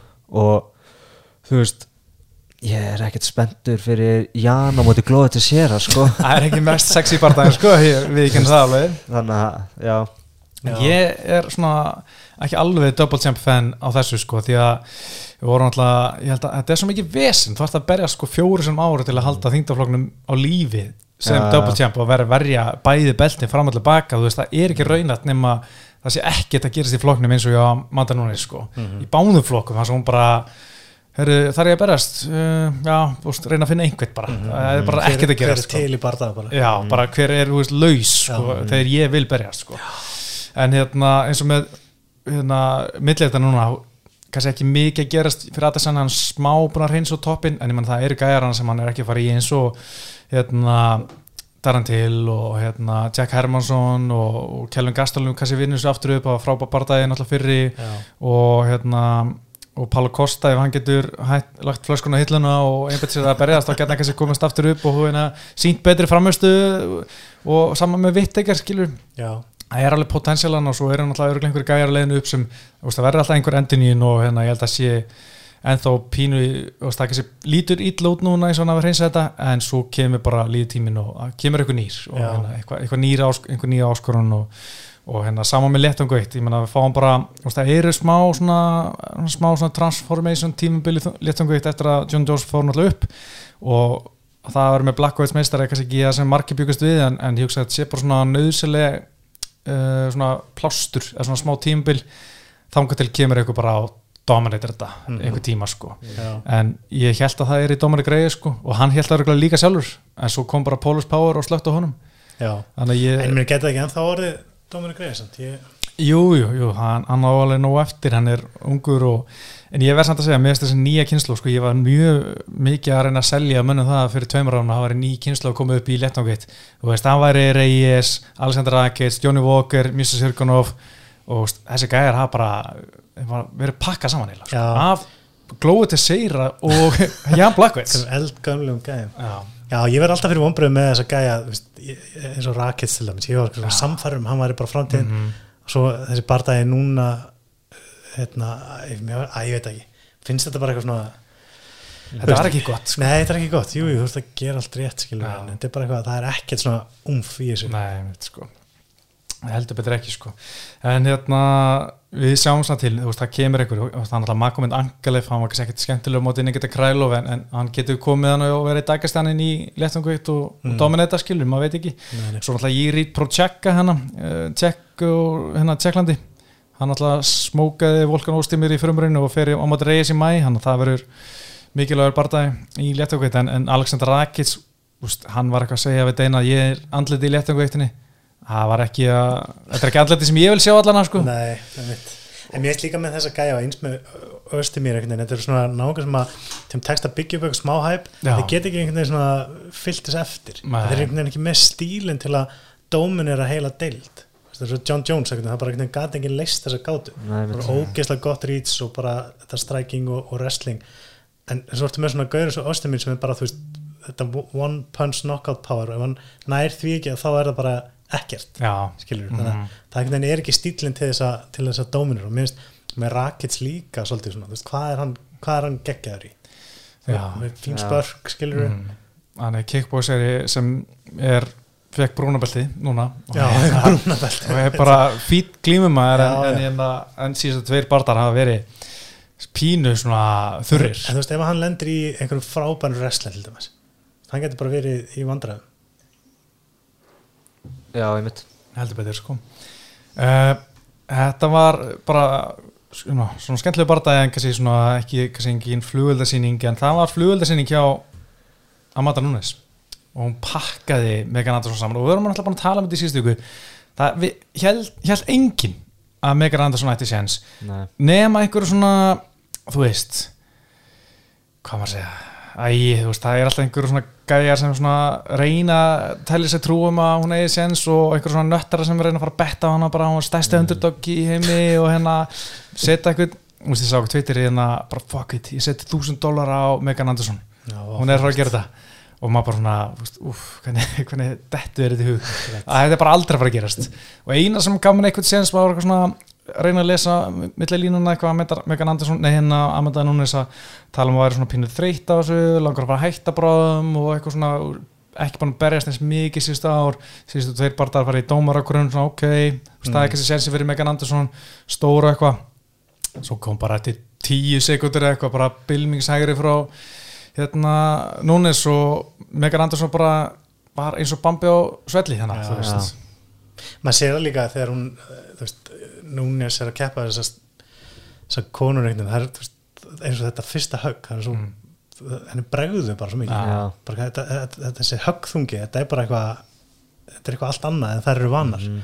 Eina sem ég var að hugsa fyrir hennar bara ég, ég, ég hafði enga trú á Megan Anderson Mm. en ég var að hugsa svona ok, kannski, menn, veist, hún er stór skilur, Mhm. svona allt er lægi kannski í jörðinni, gæti eitthvað gert þar, en ég átti samt bara mjög erfitt með að sjá einhverja leið fyrir hann til að vinna, Já. en samt langar mann alltaf einhvern veginn, þú veist, ma maður vill ekki að þetta sé svona, þetta sé bara eitthvað klárist alltaf bara í fyrstu lótum þú veist, að ég veit ekki, mér fannst þetta pínu líka svona þegar Ronda var meistarinn maður var aldrei samfæður um það hvort hún væri geggjuð eða hvort að mm. andstæðinu væri bara svona lélir Já. og mér finnst það sama þarna. Mér finnst Já. svona, jú, jú, núna er frábær. En mér langar að sjá hann að keppa við einhverja aðra sem að er á svipuðu leveli. Já. ekki bara vera eitthvað að valta yfir einhverja greip í hann sem ekki séns í hann Nei, maður sá hann alltaf svolítið þegar hann var að klára bandæðina, tók Missa Tate og Ronda Rousey og hérna pakkaði þeim saman og, Og Holly Holm og síðan tók hún Cyborg og hann bara ok, þetta það er, það rosalegt það sko. kom mér á óvart hvað hún, hún dominata hann Já. ég held að það er því competitive sko. Mér langar bara að sjá það aftur sko. að mér finnst ekkit annað að vera áhugavert sko.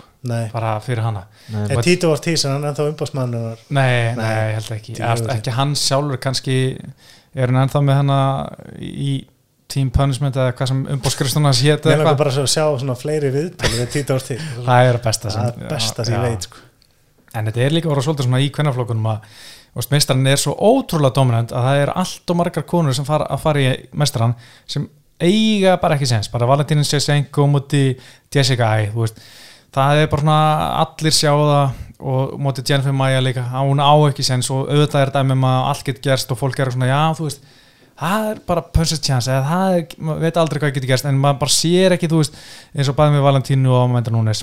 Þær eru góðstandandi, þær eru góður í gólfinu það það er ekki meina svona eitthvað risa veikleika, ég man að Nunes var oft svona þreytti svolítið að leið á en svo núna er bara svona nokkur sinni fimm lótur og bara liði vel já, bara svona að vinna í því greinlega og hinnar er bara svona eru bara ekki með neitt sem maður sér að er eitthvað frá ógnum Nunes en þetta er líka bara algjör dauði fyrir veist, þennan þingdaflokk sem að, þetta er bara eins og þegar Mighty Mouse var bara einhvern veginn pakkaði öllum. Já. man ekki hvaða karta var, það var einhvers staðar þegar hann var sko main event og það bara tæmdist höllin. Það var hérna Rory McDonald og Tarim Woodley var komin þetta Já. var í Kanada sko. Já, fólk einmitt. bara fór heim. Fór heim, en pældi hvað þetta er sorglegt skilur. þú ert bara einhvern veginn bestur í þínu fæi og svo bara er bara hálf höll. Það er bara svo sett að berjast á prílims.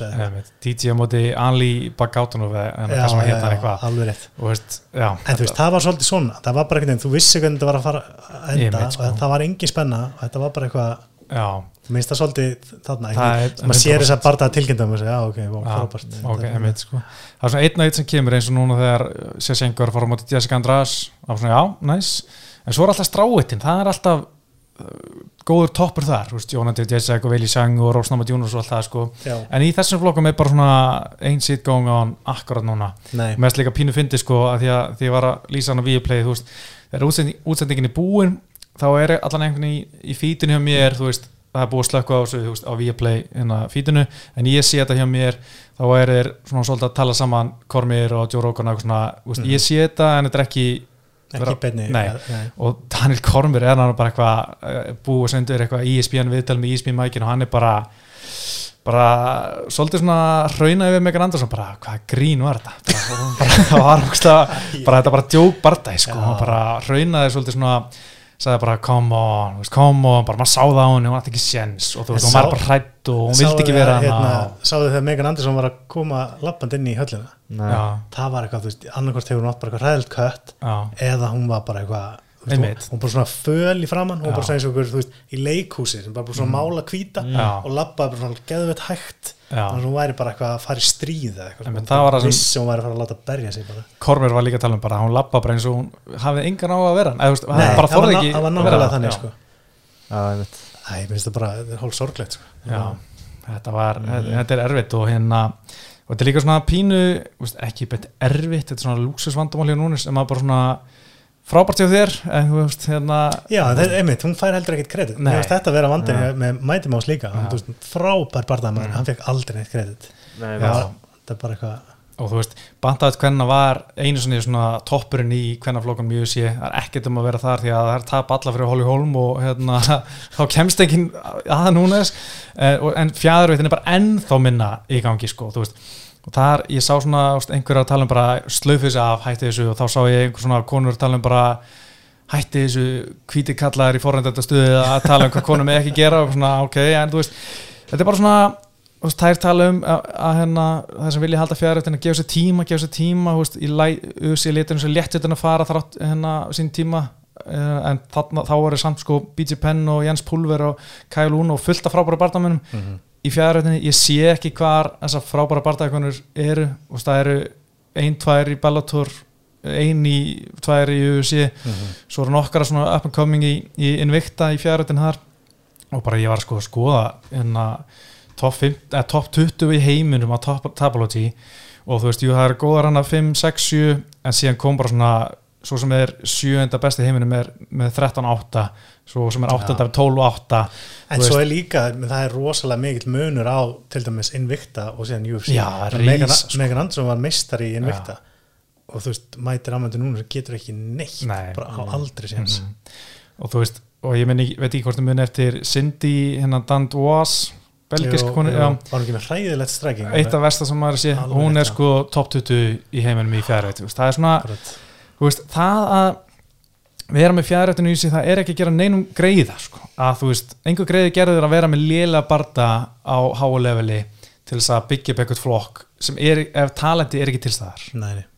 mér finnst það bara, þú veist, þetta er svona þetta er bara allt á þund en UFC er bara með hennar flokk til þess að núna sé, er, getur verið double champ Já, en, já, já, einmitt og halda henni aktífur í kannski, eða, þú veist, ég veit ekki þetta er bara eitthvað svona Já, uppálega sig til þess að fá Cyborg inn sko en svo Já. náttúrulega Cyborg farinn og, og það var bara Núnes double champ og hún bara má gera það sem hún vill sko Hvert fór Sæborg? Bellator. Bellator hún Hún hún er meistar þar núna Á, ég fylgst ekki með Bellator um það.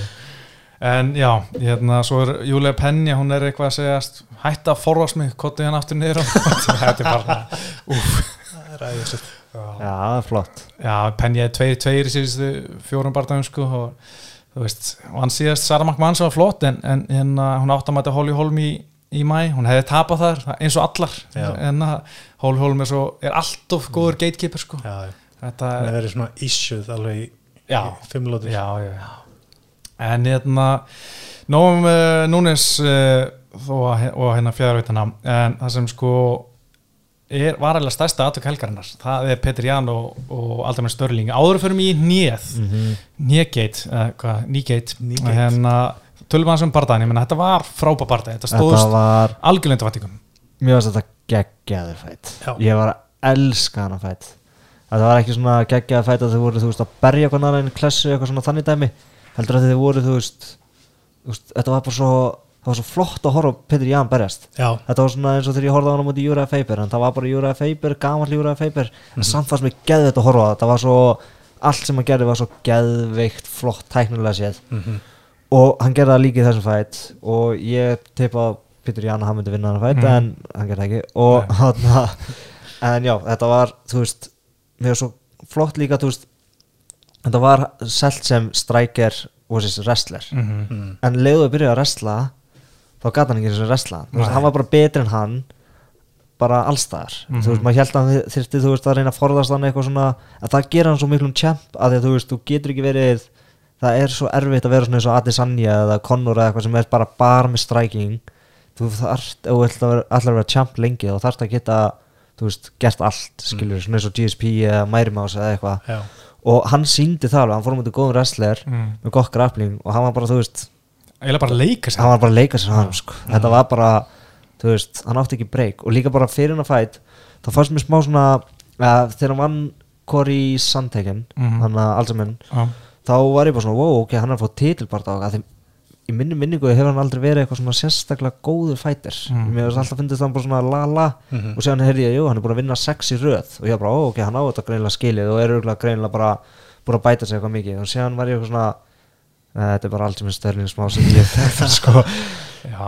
þessi- sko þess að fellu tilrunni hjá Störling voru sko bara eiginlega í bestafalli vandrarlegar eftir á. Já. Eitt, ein fella sem hann náði af 17 Mhm, mér finnst líka svo, þetta svo skemmtilegt svona klass af stílum að því að þú veist, mhm, Pít, uh, Jan einhvern veginn, hann er svona, þú veist, ger allt rétt technically mhm, og í einhvern veginn svo auglust hann er að spara orku já, Mhm. og þú veist, maður heldur einhvern veginn svona að þetta sé að snúast aðeins gegn honum en þetta er allt samkvæmt mhm, gameplaninu bara. Og Störling einlega eða ógislega mikil orku af því þannig lokin hann bara gjörsalega búin á því. Já. og svo mikið svona wasted movement hjá hún Já, mhm. meðan Jan er einhvern veginn bara með, alltaf með hendunum uppi skil allt bara svona technically hann sound. sprengdi alltaf á réttum tíma. Já, akkurat, var bara þú veist, nákvæmlega rétt. þú veist hvað, er hann ekki með einhverja 300 boxparta eða eitthvað? Allan að yfir 100 ég veit ekki bara sko, eitthvað en- fáralegt það er Já. Veist, hann er bara hann, hann var bara world class hann og þetta var, þetta var ég, hvað ég, var impressed Ég tippaði á, á Aldjó sko, ég held að hann gæti reslan en Já. hann Já. var ekki eins og í, sko. sko, komur eiginlega óvart hvað margir voru að tippa á Aldjó sko. Já. stöðlunum voru mjög jafnir og alltaf Mhm. en voru mjög margir að, tippa á Aldjó mér fannst alveg að vera 50-50 en Mhm. það kom svona, mér fannst alveg fleiri vera að svona, svona sérfræðinga álitskjafar að vera að þegar tippa ég á var búin að sjá sko. allt þetta hæp með wrestlingið hans og hann sagðist alltaf Mm. Khabíban og svona, þá var ég svona ok, hann, þú veist, þetta geti alveg verið þannig að hann er bara að að taka niður eða eitthvað skilur Mhm. Mér finnst líka, sko, Petri Ján sagði Já, e, hérna, hann, maður sá það að hann var svolítið að leifa Sterling að sækja og, og, og síðan bara náða hann að byrja hann að pressa og varðist öllum fellanum mjög vel en, en Petri Ján var satt að sjálfur að segja að hann glýmdi alltaf mikið við hann að hann Já. tók að sjö svona niður bara með einhver svona ógeðslega nettum trippum veist, eitt skipti það var bara svona að setja löpunum aftan og ítt í hálsin á hann Já. Dush, Já. þú veist, það var svo ógeðslega klín sko töff. Ég sá líka eitthvað, það var hérna, einhver gæði sem var í hotminni hjá Petur Ján sem var að tala um að þeir hefðu, það hefði verið gameplan hjá þeim fyrir bardaðan að targeta hálsin á hann eitthvað, hann var Já. eitthvað tæpur í nakkanum en, hvernig vissið það? ég ekki, ekki auðvitað með einhvern hérna, það einhvern, sko. snitt sann í Mhm. kampinu investigation í gangi núna hjá Já, klálega. Ray Longo og félum en hérna, já, þá, þá voru að tala um sko að í þessari stöðu þar sem að nýð kemur síðan þá hafi, ef að, þú veist, þeir eru búin að tala um það ef þeir lent í þessari stöðu, að þá ætla hann að, þú veist, ídónum í gólfið. Já, á hálsin á hálsinn, Já. skilur þannig þeir eru alveg búin að pæla í þeirri stöðu mm -hmm. svo grillað að þetta skulle gerast. Einmitt, sko.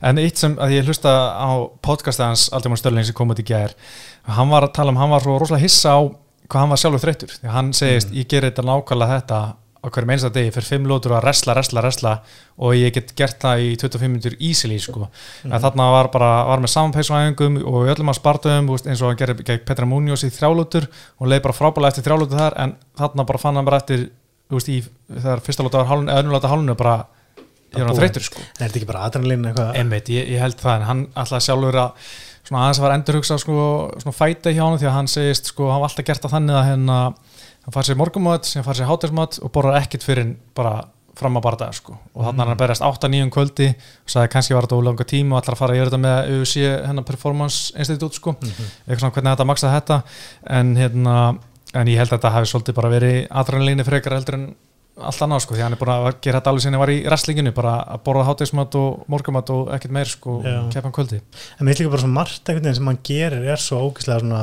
taxing, þú veist, hann Já. er mikið með eitthvað svona spinning hendur út um allt Já, akkurat, það er svo mikið í gangi einhvern veginn mm. en menn er orðinni þreyttir þegar þú fer að sjá og taka marga spinning elbows í röð sko. þá er menn bara svona það er bara heil meri Ó, eitthvað það er bara svona eitthvað að vona besta að ég að hann sko. Einmitt, sko. en hérna, hann talaði um líka að hérna hann til sig geta farið fimm lótur á þessu peysi og hérna fannst Jan ekkit vera sérstaklega góður varnanlega, hérna wrestlinglega sé, fannst hann bara svona horfða þetta bara, ég á, get klára þess að fellur hverjum einsta degi á æfingum. Þannig að hann Já, var svona gata, gata allt í henni ekki klára já, hann er mest að skríti hérna, þetta er svona attitude já, en hann var bara handvissum að hann muni vinna rímat sér skilur en, hérna, en tölum um nýð okay. Sko, þetta náttúrulega það sem mjögast áhugavert við þetta líka Petri, hann, hann náttúrulega er með þetta í hendi sér þegar Já. tekur þessa að, ákvörðum hann er að fara bara af allt yfir Já, maður bara býður til hann fara að klára þetta og, og hérna en hann segist að hann var að vera að hugsa alltaf mikið um henduna því að dómari Mark Smith kom og hitta hann fyrir barðan og sem hann er að fara rosalega mikið yfir þessar reglur og, og þessar reglur er alltaf þannig að veist, það er ekki nógar með svona hvað, fingertips, fingurgómana á gólunum þú verður með lóan, verður að setja þungan á báðar hendur báðar hendur til þess að þú telist vera grounded sko. 2017 eða eitthvað en, hérna, en að, það skiptir engum máli svo, ef þú ert með eitt nýi niður Já. þá ertu grounded Já. en hann var svo mikið að hugsa um hendunar og svo mikið að horfa hendunar að hann horfði ekki á nýja og held að hann væri bara svona að skvatta Já. og þess vegna bara bombaði hann í já. og það sem hotni var, já, og hérna það sem hotni var líka að segja þú veist, Amerikan Totti þjálfurinn voru að segja punch, punch, punch, rússanir sögðu bara hit him á rússansku, þeir voru ekki að segja sparka og mér heyrstu þau að segja kick him nei, þeir segðu hit him sko. Ah, ok. En það var eitthvað svona að því að sko Habib var hana og hann saði Joe Rogan að þeir Mhm. að sko hotni hefði sagt hann ætti að nýja hann í andlitið Já. en þeir voru ekkert að segja það sko. Nei, svo bara hit him Hit him. og hann einhvern veginn, einhver miskilningur og misti sig og hérna og svo fór, svona fór þetta en uh, það sem er kannski svona mest er að tala um og er náttúrulega hvort að hann hafi verið að leika þetta veist, Mm. og það Ja. er rosalega Eh, mikið sko- að tala um það, komið svolítið óvart Já, ok, sko það, veist, það átti alltaf að stoppa hann að barða eftir þetta nýja Mhm. það var, þetta var bara fáranlega ólulegt ég reyndar í eina segundu þegar hann gerði þetta þá var eitthvað, nei, þetta var löglegt að hann var með eitt nýja mm. að þá var eitthvað, nei það er nóg, þú þarf að vera með þá fór ég að hugsa um eina hendi, skiljur Já. það vera með báðar og ég fór að hugsa hvort hann var að pæli því, Mhm. skiljur bara svona óvart, bara shit, nei fannst þess að það væri ekki nógur með eitt nýja þarf það með bæði nýja, að þú veist, ég hugsaði það í eina segundu Mhm. en þetta var ólulegast nýja heiminum. Hann dundraði í hausinn á honum barða hann bara, þú veist, þetta er bara sorry, þú veist, Mm, mm, raustspjald já, og en jú, oh my god. Ertu ekki að grínast hvað var að leika þetta með alltaf eitthvað að leggjast aftur niður, standa upp alltaf svona eins og veri þú veist, hann byrjaði að haldra þetta var svona eins og í Office þegar að Pam slær Michael Scott og hann haldrar í burtu. Þetta var bara, og séðan eitthvað, jú, jú, ég tek viðtal. Tók viðtal bara Mm. ekkert á hann Já, en þú veist, svo að jamma með vinnu sinni Já, með beltið. Já, já. Var geggjað, sko. ég tek ekki á móti þessu Já. eftir partí sko sko.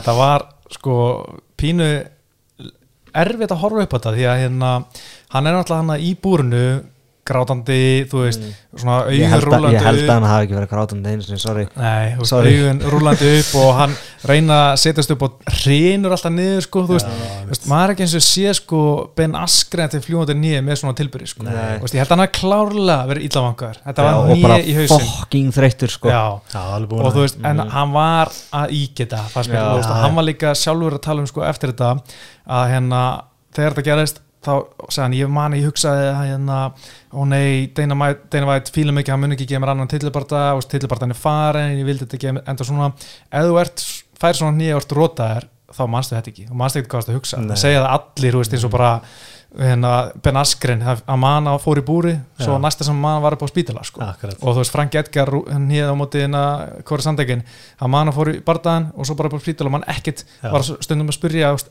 saman dag, er bardaðin búinn. Hann myndi ekki neitt. Ég held klálega að hann hafi verið að ígja þetta sko en mér finnst samt einhvern veginn svona þú veist, mér finnst ógeðslega grilla að bardamaður sjálfur eitthvað að hafa að segja um það nei, hann hann áfram það á ekkert að hann, spyrja á- hann hann bara Nei. ekkert að taka þessa Nei. ákvörðun þarna Hann hefur bara, bara nei, herru, þú, þetta er ólegt hann er, þú, hann liggur, skilur Já. þú veist, hann dundraðast alveg jörðina við þetta. Stopp, skilur slá, bara breytir engum máli hvort hann getur haldið áfram ekki. Þetta er bara eins og þú væri í fótbolta Já. tvekja fótt tækling eitthvað, Mm, þetta er lægi með þig. Já, ok, þú veist, það er Einmitt. gullt spil, þú heldum veist, Hann- rau- er- viltu ekki honum raut Já, einmitt. Þa- það er 100% rétt og dómar hann alltaf bara að kíkja á hann og sjá ok, þetta hitti, kíkja á endursynningu því að það má núna og leifa barðanum að halda fram saman hvað gerist kíkja á endursynninguna og segja bara hann hitti, bara búið bara dæmdur úr leik Já. og, hérna, og taka ábyrjana af barðamann, hann á að gera 100%. getur að halda áfram og auðvitað úst, fær aldrei með störlinga sem við sjáum núna alltaf djöfellig mikið skít fyrir að geta ekki halda áfram eðlilega því að hann var klárlega vangaður en kannski ekki alveg eins vangaður eins og hann var að láta hana Nei. en hérna en hann hefði aldrei unnið henni barða heldur þú veist, Nei. þú veist, Nei. jafnvel þó hann ekki fengið þetta nýja Mhm. að tapa þessum barða nákvæmlega þetta var ekki að fara að hjálpa en, ég, en mér finnst bara einhvern veginn allt svona sem að tekur þú veist ákvarðanir af barðamanninum er ég fylgjandi mm. -hmm. bæði í þessu tilfelli ég vil sjá miklu oftar líka bara hotnamenn, þú veist, kasta inn hanglaðinu Mhm. bara þegar menn eiga engan séns á að vinna Já. það sjá það allir, Já. sérstaklega þeir og hérna, að ég meina þe- þessi gæjar er alltaf bara gýraði þannig, þeir vilja bara halda áfram, vilja bara vinna þannig, en þetta hlýtur að hafa líka verið mistök hjá Petri Jan, að þú veist, hann veit Já. örgulega hann er að vinna þú 100% veist, og hann sér hvað hann er þreyttur og, og þetta var ekki svona hann að tapa reyna að finna einhverja leið til að vinna Mm. eitthvað, þú veist, þetta Nei, var þetta var bara hann að vinna og hann, hann fokkaði upp og hann fattaði það strax. Mm. var bara shit hann sko. sagði líka sko, hann hefði ekki alveg skilið hvað hotnið hans var að byggja hann um að Já. gera. Þú veist, þeir eru eitthvað að segja kílan þeir eru greinlega með sko rússa en það var einhver einn líka brassi eða, Já, eða sem var frá Amerikan Top Team. Amerikan toptíma sem tala ennsku að þetta er kannski svona pínu eitthvað hann er ekkert eitthvað frábær í ennsku heldur sko, að svolítið rugglist þetta að vera að láta garga á sig á tveim tungumálum eitthvað. Já, en svo með Aldjó sko, hann er að fá helling skít yfir svo, það sem ég stela skrítnaðast við þetta er hann að fá svo mikið frá sko, öðrum bardamunum, bara, þú veist, þeir voru, þú veist, fætirar að hraunauður bara daran til, Tito Vera, Dominic Reyes segja, þú veist, bara bara, bara Óskarsveluna tilnefning fyrir, fyrir Aldjó, fyrir hennar leik, sko. Mm. Mér fannst það- hilarious. And the Oscar goes to já, bara það er mjög gott sko. og líka Dominic Reyes var að segja bara, vá, hann er verri heldur en margir sem ég sé vera illa rota. Veist, bara tilburina hjá hann í búrunu og eitthvað, Bara það var mér stað líka svona mjög skríti en þetta er samt auðvitað óslega skrítin stað að veri þú veist, þú veist að tafa sem barda. Hann lítur að vita það. Mhm. og hann ve- veit hann á ekkert eftir og hann veit að ef að þú veist, hann heldur ekki áfram þá fær hann þú veist 100 dólara og beltið. Já, já, þetta er ógeðslega auðvelt decision skilur en svo þarftu samt einhvern veginn að líta út eins og þú getur ekki haldið áfram. Já, já, og hvernig fer það því? Mhm. Já. ertu bara eitthvað, Mhm. situr bara og lí, lát svona sína á sért vangaðar annars bara sprettur upp og bara svona veist, lítur út á lægi, þá er fólk bara hann hætti, Já. viljandi, þú veist, veist, það, það var ennþá já, verra þetta er erfist, það tekið erfist belti að- og byrja að fagna Já. tekið Já. ringin, bara hoppað upp á búri það hefur verið gefið Jan puttan eitthvað en sko eins og hann var að tala um þegar hann fekk nýja, þá held hann að þetta er no contest sko, en, en svo bara Já. þegar hann fattar að hann er dæmdur úr leik hann, það allt í henni getur staðið lappinu nei, þá allt svona fattar hann að hann fær belti og þá var hann svona hendi beltinu frá sér, en síðan í þessu eftirparti þá voru allir vinar að reyna svona uh, hressan við og svona taktu belti, taktu það úr og og Try ert it- meistarinn og svona, on. já, voru svona, þetta var, Og hann sagði að þetta hefur svona hópþrýstingur sko. fjölskyldan sem mér fannst þú að vinna og svona, þú varst alveg að vinna að fæt sko, fram að þessu sko, 100% sko, var þannig bara sko. já. Og hann bara svona lætur undan tekur myndir þessum belti og það bara leit lítið mjög illa út Já. fyrir hann að vera, þú veist, hendi beltin hans í búrunu svo Já. bara Twitter bara I'm the champ bara með kampavinn og belti það er, það er ekki gott lúk og líka sem ég varst líka verst að vita þegar hann var að uh, byrja að posta einhverju svona Twitter-dóti með Henry Sehuto eins og var að svona forðast Petri Jan það er bara, nei, það er versta sem getur gerst ef þú ætlar ekki að berjast Petri Jan það er bara er ekki búið Nei, það var bara strippaður sko. En henni þessu út og alltaf sína jafn mikið hvað hann er lítið relevant í dag sko. Veist, það var enginn að tala um bara já, Störling og Petri Jan, nei henni þessu út. það er bara öllum drullu sama og fólk vil bara sjá Petri Jan, Petri Jan Já. aftur sem champ sko. Ég, ég fór bara strax að hugsa um hver er næstu fyrir Peter Jan? Upp á auðvist titirinn eitthvað. Og ég fór að hugsa að djöld var að geða ykkur fætt hann á mútið Cody. Já, já, það var ekki geggjað. Og sem fór ég að nei, byrju, hann er náttúrulega ekki með til En nei, þetta lítur samt að vera óþólandi fyrir Störling líka sko, þú veist, ok, Já. þú fær borgað, þú fær beltið Mhm. en þú ert ekki legit í augum neins. Nei. það er enginn sem og hugsa versta við þetta er að hann mun mjög líklega kannski ekki, en þetta mun kannski vera eina bara skiptið sem hann verið champ að þetta verður hans svona Já. legacy bara Mhm. hann var, þú veist, hann mun alltaf vera former eitthvað bandweight champion svona í framtíðinu og eitthvað Mhm. svona bara út af, eða þú veist, út af einhverju ólega nýju Það verður það er svo leiðilegt sko eins og Matt Hamill, eini gæðin til að vinna. Jones já, já, innan gæsalapa Einmitt, sko. uh, einhverju voru svona að pæla af hverju hérna, Aldjó fær belti þú veist, ætti, hana, ætti belti bara að vera svona veikant eftir svona ég, ég svona sá nokkra að vera að velta því fyrir sér eftir, eftir þetta en, en svona mér fannst eiginlega í rauninni ekkert annað verið stöðunni því að ég meina ef þú ert meistarinn og ert að tapa þá bara tekur gott, Já. bara pungspark og lætur dæmið á leik og heldur beltinu algjörlega, ég meni þessi tilfelli þá er hann ekki að tapa en þetta hefði alveg skeið að vera í öfugt. Já, hann hefði getið gert þetta óvart og verið að tapa Mhm. þá er þetta ógeðslega ósangjant að það er þá engin meistari. Það fær bara Mm, annar. Annar rematch já, já, akkurat. Bara beltið weekend fyndur lótu, bara Já. alltaf eitthvað ólulegt Já, bara ah, shit, ég er að tapa herri Ég ætla bara að bomba í pungin á honum og njá hann að pótið á honum. Sjá hvað gerist. Kemist þannig upp með það með, Hvernig þeir láta sem dómarar? Það myndi fá eina viðurinu fyrir Já. þennan nýða að gera þetta aftur og tekið stig. Hættu þessu. Herði, annað á kartinu því að við, já, við vonumst til að sjá bara Jan og Störling bara ágúst vonum að hann hérna fór í kattskanna, þú veist, fekk heila hristing öruglega en, en það var allir lægi hann sagði þetta eina að koma úr skannunum mm. en hann verður öruglega fær uh, þarf að taka sig smá pásu eftir þetta klála Mhm. en hérna gallin við svona stórt kart í rauninni fyrir bardamenn er að það sem þrý tillibardaðar þá Mhm. er engin að pæla í þú veist, Askar Askarov sem er mjög líklega búin að tryggja sig tillibardi flugveitt mm Mhm. að því að hann var bara á, þú veist prílims já, Já. en það var hellingum að vera á þessu, karti og hérna Ísla Makachev, hann var bara flottur veist, uh, gerði bara það sem hann þurfti að gera. Uh, mér fannst reyndar þetta tap ég sá þetta fyrst og það myndi mér svo mikið á Seits Norska tapið á móti hérna Brian Barbarína já, og þá var allir bara, veit þetta, easy tap? Hann bara gafst upp, hann vildi ekki vera hana. Já, en það er enginn að segja það núna. Þetta var nákvæmlega sama tjók. Já, þetta virkaði samt alveg fröga tætt já, en ég, að ég sko ég sá hann aldrei reyna að sprengja sig út úr þessu eða gera neitt til þess að sleppa úr þessu.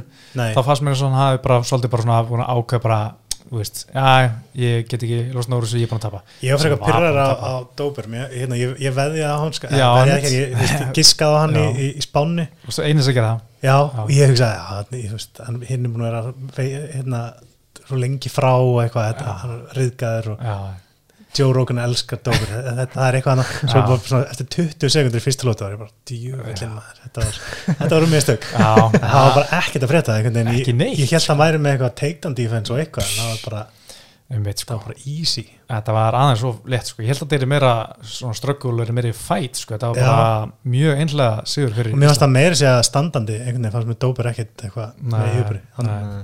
Makachev hitt hann einhvern veginn fast Mm, nokkur einmitt. sinnum sko mér fannst líka fellan hjá honum í annar lótu Íslam, svona inside trippið. Ah, það já, ógæslega flott sko. sko. en ég er náttúrulega bara hobbyisti með nýja vandamál. Ég fæ svo í, því ég sé menn gera það ég bara, óh, nýð er, er það ekki að koma svona óþægileg þrýstingur á þetta, nýð, Þú gerir þetta takedown inside trip, svona þú setur löpuna utan um hérna löpuna og snýrð ég er bara úff. Ég gerir þetta gett oft Ég elska ah, þetta ég bara það en já, hann var ekki að geða sko, þetta, og frábælega vel gert í honum en mér langar að sjá hann sko ég veit að þetta er svona smá bara algjörlút raskati, en mér langar að sjá hann á móti sko Gregor Gillespie. Já, einhver gæi sem getur restlað Mhm. Þú veist, En jú, Hvað með Arman, Michael Chandler? Ég segi það, ég var til það líka það var en ég held að. Chandler sé ekki til það sko, en ég var til Chandler, ég var til í hérna Benil Darius uh, Kevin Lee, hann er aftur í léttutinn, hann er alltaf að fara fram og tilbaka með ekkert hvað hann verður. Já. Benel Darius og uh, Charles Oliveira en hefur hann ekkert verið að keppa mikið við wrestlara Arman Sarukian, hérna arminin hann var Mm. geggjar, hann var geggjar fætt hann kom inn með viku fyrirvara og síndi að hann var bara geggjar wrestler, Arman og það Já. var frábært barndæði, algjörð scramble grapple fest. Ok, uh, en eh, annars hefur hann bara verið að pakka svona, hann alltaf pakkaði hérna Davi Ramos saman, já það ég, var mikil vonbriði það var vonbrið fyrir mig, ég er Davíð Ramos fan. Já. en mér finnst það líka bara geggja fyrir, þú veist, fyrirlskona Davíð Já. Ramos, ATCC champ mm og fárlega góður í YouTube sko. tók hann niður bara hver einstu lutu og gera auðvitað já, uh, já, það er bara spurning hvað hann fái næst en ég vona að verði svona úst, hann er einhverstaðar í topp 15 rétt svo en samt er þetta sjöundi sigur hans í röða eitthvað já þarf ekki að pússa þessum gæjum aðeins ofar fyrr Mér það Já. er svolítið mikið oft af svona partöfum einhvern veginn en ég held bara að það sé svo ógæsla margir góður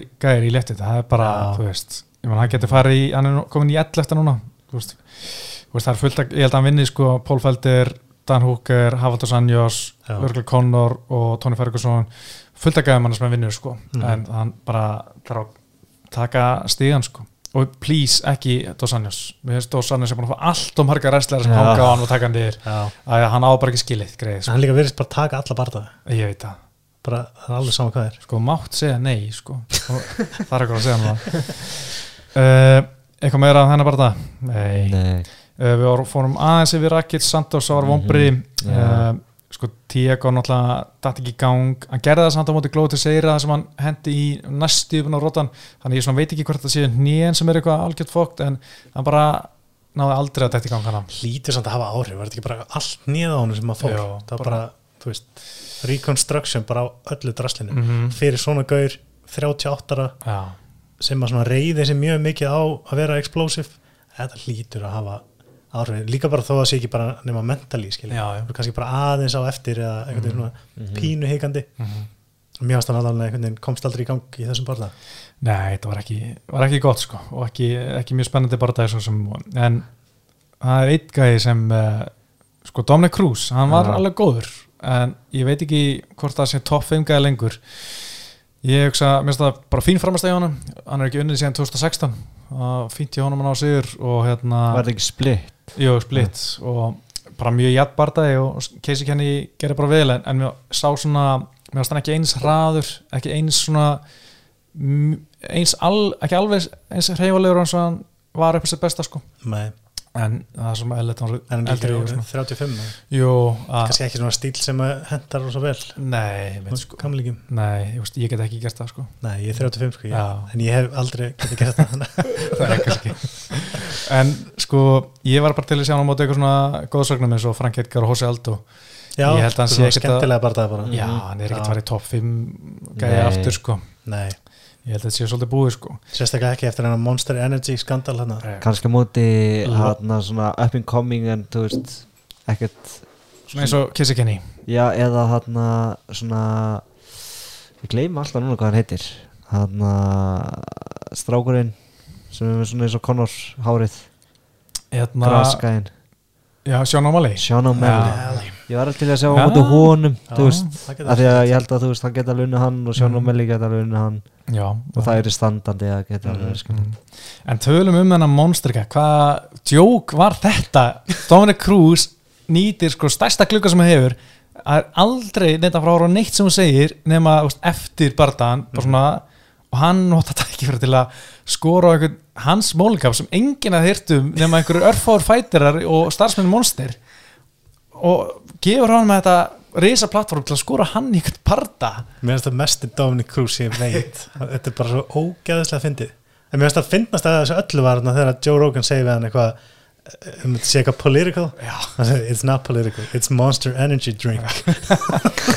Það var viðtalið bara búið. Hann er svo mikil besservissir það er alveg þetta var algjört úst, ég menna þetta er einhver gæi sem sko ákvör hver far spónus frá Monsteri úst, í MMA heimunum og hann er vist að sko hóta því að þú kommentar ekki myndir hjá mér á Instagram og fari ekki spóns hvað grín er þetta það er fáralegt sko Já, hann var, Ekki. Dominic Cruz var að Já. segja það síðanst hann var, þessi, þessi gæði var sendur um eitthvað SMS og segja að þú kommentar ekki á hérna, Instagram postin sem ég var að setja inn, já, það fær ekki spons frá Monster Já. Energy og var hann með spons já, Já, en hann Já, var sérst að hann- nota sitt persónulega Instagram líka, þú veist, til að Já. fá Já. eitthvað klátt frá já. fæturum og þú veist bara eins og ég væri Björki og kommentar ekki á hérna póstinn þá úst, sponsaði ekki fyrir mm. eitthvað feik fyrirtæki sem ég var með veist, Mhm. bara mitt persónulega Instagram profil eins og ég sé svona sína, sjá hvað ég, margir fætar er mínu Já, vinir já. þetta er svo pathetic sko. Góð tíma, ég sjá þennan bara það já, það er 100 pund á milli það bara, var bara skemmtilegt það, ég, ég sá líka eitthvað screenshot af Deina drullið yfir hann á Instagram og hann var eitthvað svona algjör feik en að gæi, sko, en á blaðamarafötunum tók hann klárlega monster línuna á þetta og bara svona, Já. já, hann sé gúfi gæi en monster er bara frábær fyrir okkur og þú veist, verður örugglega að gera það, sko en, Dólarar en ég meina hvað er að frétta samt að Dom- Dominic Cruz, hann er búin að vera bífi núna og Keith Peterson og svo hans Molingap þú veist, Já, hann er ekki búin að kalla út neitt bardamann bara í fimm ár nei Nei. Ég elska Dominic Cruz samt fyrir þetta sko. Mér Já. finnst þetta svo, þetta er svo entertaining að það er bara, Já. maður veit aldrei hvað er næst Nei, ég Það veit er bara eitthvað, Já, einhver gaur sem er í hotninni hjá einhverjum og hann Já. allt í hennu bara hatar þann sko. Þetta, er- þetta er uh, svona aðeinsvært Mhm. uh, en þetta var sko Kart byrjaði þetta frábælega Kjæli Phillips, Song Yadong var skemmtilega barndæg Askar Askarov, hann pakkaði húsa Benavides saman, húst Benavides þetta er bara komið gott í honum held ég. Já, sko ég Já, væri til í að fara að sjá hann hætta Vist, ég veit ekki hvað það er en mér finnst þess að hendurna sé að minga Já. það er bara eins og væri bara svona eins og hann með ber T-Rex svo, hendur hann sko. ber svo skringilega Hann ber sér mjög skringilega. Já, En lítur líka að vera frústrandi fyrir hann að hafa alltaf bara verið eitthvað svona næst bestur já, Já. Veist, Hann er eitt Mm. besti gæinn sem hefur aldrei unnið og líka svo leðilegt að konan hans er þú veist aðal UC frétta konan einhvern veginn.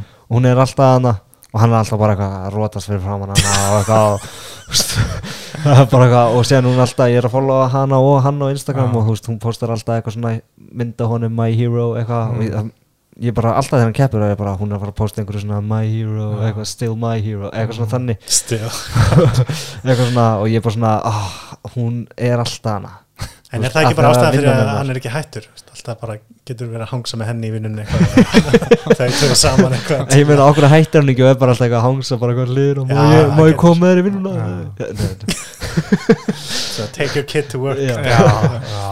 já, greið þau eru krút já, þau eru algjör power krútkopp mm Mhm. uh, Askar flottur en hann hafði ekki vikt hann þarf að laga það, hann ætlar að fá tilbarta uh, svo er þetta Rótaka Kaikara Frans hann var mjög skrítið, svona walk-off KO, samt Já. tók svona uh, hálfa ring í búru og að hlaupa aftur að hann en þá voru Hörbdín mættur að stoppa þetta sko en hann hótt sér á Bontorín uh, það var að geggja þér fram að þessu Rótaki sko Mhm. hann var bara með mjög flott grafling og hérna, fl- flotta glímu og fannst hann líta vel út en, en Kaikara Frans rótaðan og bara flott rótak sko Mhm. Uh, svo var hann að Sjón Breytin sem tók Jake Matthews og pakka hann svolítið saman það var, var það skemmtilegur en að að hann er veldu við, hann er komin í top 15 núna, rankaði nummer 14 ég held að þetta sé gæði sem Býta af hverju manni ekki eftir þessu fætt, ég sá hann á fætt þetta var fjórði bara daginn. Þetta var gæði með ógeðslega mikið tattu hann með svona rauðan púka svona yfir allt baki Þetta var Finnis, fyrstu Finnis já, hann var í þriðlötu Armand Hægul já, já, já, já. já. svona grappl, svartbelti og hérna gerði það mjög vel Mhm. uh, svo Amanda Lemos tók Livia Renata Sosa og pakka henni saman sko. Ég man eftir Lemos í Skotlandi þegar hann var að berast á kartinu hjá Gunna hann að Ponsi Nibbi kartinu hann var í úst, fyrsta partakvölds sem móti hérna er það, Leslie Smith og sko ég sá hana og ég bara hún er að fara að pakka henni svo bara eftir svona þrjármyndur bara gasa hann gjörsalega Mm. og reynslubollin Leslie Smith tók yfir og tíki á hana í annar lótu og hugsaði bara svona það var svo ógslag pyrrandi því að maður sá hvað Lemos var miklu tæknilega betri bara svona öllum, bara svona standandi bara svona eiginlega leita ógslag vel krisp hérna vel útstandaði svona krisp og hröð og tæknileg. Mhm. en svo bara einhvern veginn bara gasa hann og fjall hann liðbröði það var ókærsla sækjandi. Pathetic. Já, en síðan þá var henni þrjábartar röð og, og klára tvo af þeim og verið bara flott sko. Og komið nýri stráitt, þetta var í bandavætt þessi hérna Leslie Smith partæm Mhm. en hérna en ég held að þetta sé bara komið gott á þessu karti Mhm. en ég held að þetta sé komið á því að Björki já, Jake Paul hornir Já, hvað er að frétta þar? Ég glimd að tjekka á Jake Paul. Ég held að það sé ekki mikið að frétta sko nema örgulega einhver memes og eitthvað. Já, sko Já. ég er með input Ok, í Jake já, Paul ég- ok.